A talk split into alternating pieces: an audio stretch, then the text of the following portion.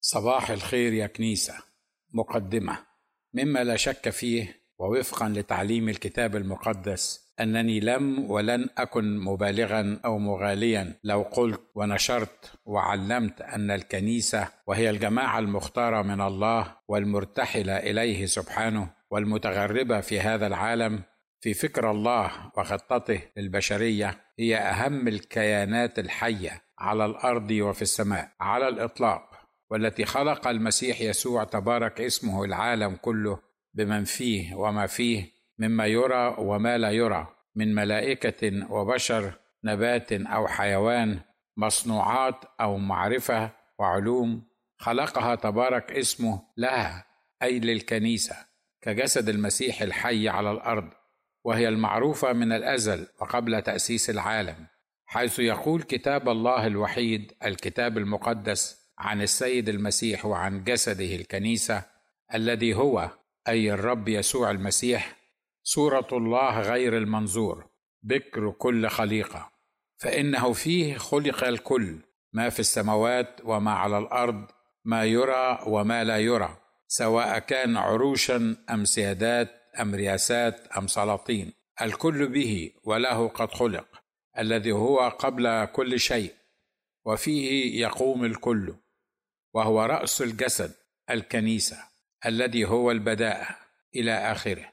لذا فأنا أعتبر أن موضوع هذا الكتاب وهو الكنيسة وما ضمه بين ضفتيه هو أهم الموضوعات اطلاقا على الأرض أو في السماء حيث أنه يتعلق كما ذكرت سابقا بالكنيسة حال كونها جسد المسيح الحي إلى أبد الآبدين. ولذا فقد تناولت في كتابات المجمعة في هذا الكتاب عن الكنيسة الجوانب المختلفة لهذا الموضوع.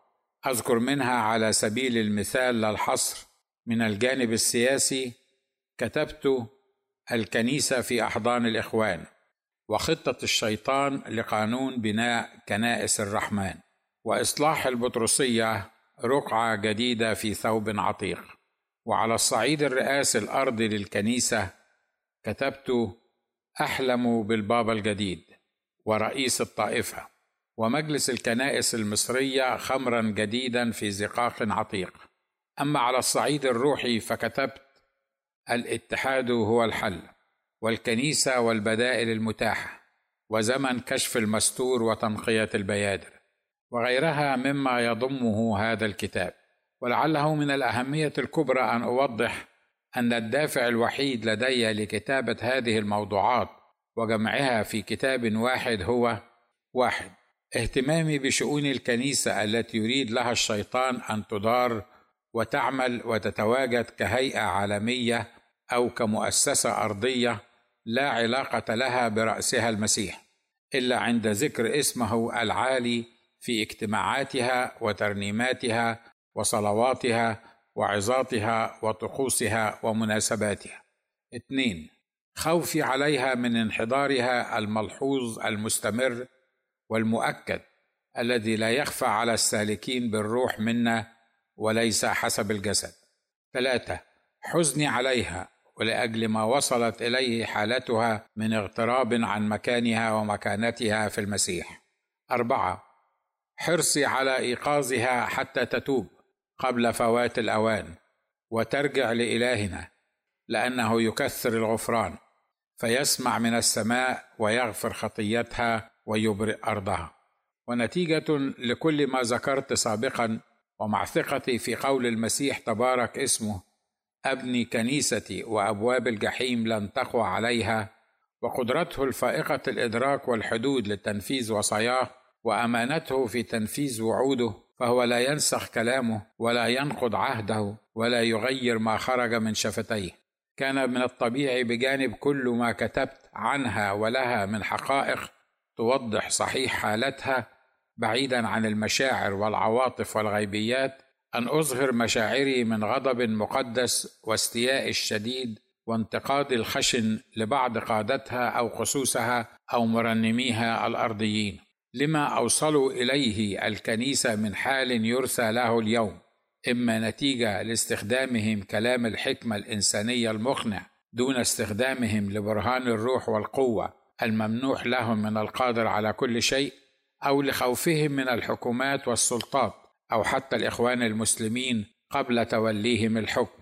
مع أنه أعطى لهم وعوده بأن لا تخف أيها القطيع الصغير قائلا لا تخف لأني معك لا تتلفت لأني إلهك أو لصراع قادتها بعضهم مع بعض لهسا وراء كراس أو رياسات أرضية كنسية زائفة ومؤقتة.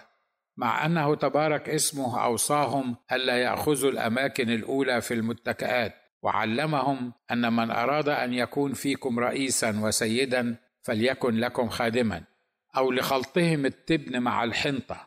أي ما هو إله مقدس مع هو من الجسد أو الشيطان. بالرغم من أنه شرح لهم موضحا لا تكونوا تحت نير مع غير المؤمنين لأنه اية خلطة للبر والاثم واية شركة للنور مع الظلمة وأي اتفاق للمسيح مع بليعال وأي نصيب للمؤمن مع غير المؤمن واية موافقة لهيكل الله مع الأوثان. فإنكم أنتم هيكل الله الحي كما قال الله إني سأسكن فيهم وأسير بينهم وأكون لهم إلها وهم يكونون لي شعبا.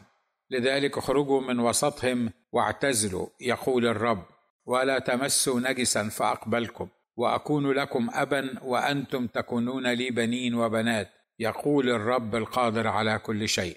وكثيرا ما أظهرت حزني ونوحي على الكنيسة متمثلة في قادتها لإصرارها على ألا تستيقظ وكأنهم باحتياج أن يذكرهم القدير تبارك اسمه بما كتبه إلى ملاك كنيسة اللودكيين قائلا أنا عارف أعمالك أنك لست باردا ولا حارا ليتك كنت باردا أو حارا هكذا لأنك فاتر ولست باردا أو حارا أنا مزمع أن أتقيأك من فمي لأنك تقول إني أنا غني وقد استغنيت ولا حاجة لي إلى شيء ولست تعلم أنك أنت الشقي والبائس وفقير وأعمى وعريان.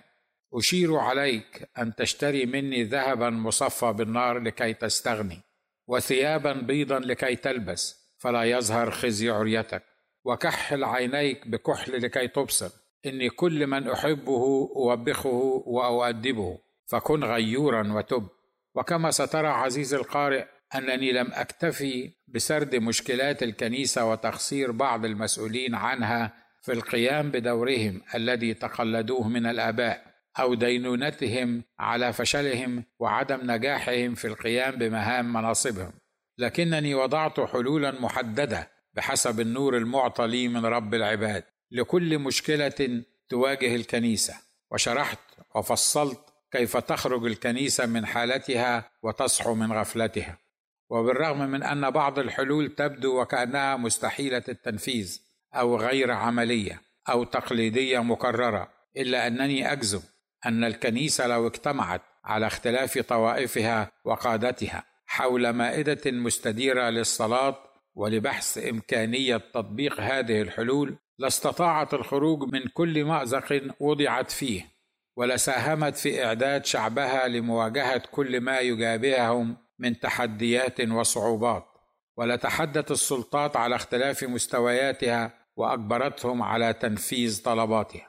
وبالرغم مما يتضمنه هذا الكتاب من آراء صادمة وكشف لبعض المستور لكنني أقول الصدق في المسيح ولا أكذب وضميري شاهد لي في محضر الله أنني لم ولن أقصد ابدا التقليل من شأن أو عدم احترام أو الإساءة لأي من قاده الكنيسة أو كهنتها أو خصوصها أو خدامها أو مرنميها.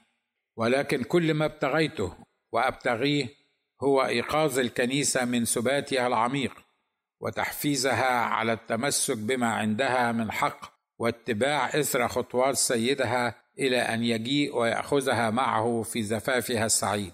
ولذلك فكما هو الحال في كل كتاباتي لم أقصر أن أنذرها بدموع وفي نفس الوقت عن التصريح والتأكيد على حبي لها وهيامي بها والبوح بعشقها. في وقت مناسب وغير مناسب والاستعداد للموت في سبيل رفعتها. إن كان هذا امرا مرتبا لي من المسيح يسوع. من مات قبلا لأجلنا نحن الخطاة الذين أولهم أنا. ليفدينا من العالم الحاضر الشرير. ولم أتقاعس ابدا عن إبداء سرور الغامر. بوضع كل من أعطاني القدير وكل ما وهبني تبارك اسمه على غير استحقاق مني في ذاتي من إمكانيات مادية ومواهب روحية وعلاقات بشرية في خدمتها وتحت أمرها. فما أنا بأكثر من مخلوق في المسيح يسوع لأعمال صالحة قد سبق الله فأعدها بأن أكون خادما له ولكنيسته التي هي جسده على الأرض. فإلى كنيسة المجاهدة الغالية على قلبي. أصلي أن تدرسي هذا الكتاب وما جاء فيه بكل تواضع وخشوع. واستعداد أن تنفذي الوصايا الإلهية التي كتبت فيه لمجد المسيح وامتداد ملكوته واستعدي فهو ذا السيد قادم سريعا وسيتم المكتوب لأن الرب نفسه بهتاف بصوت رئيس ملائكة وبوق الله سوف ينزل من السماء.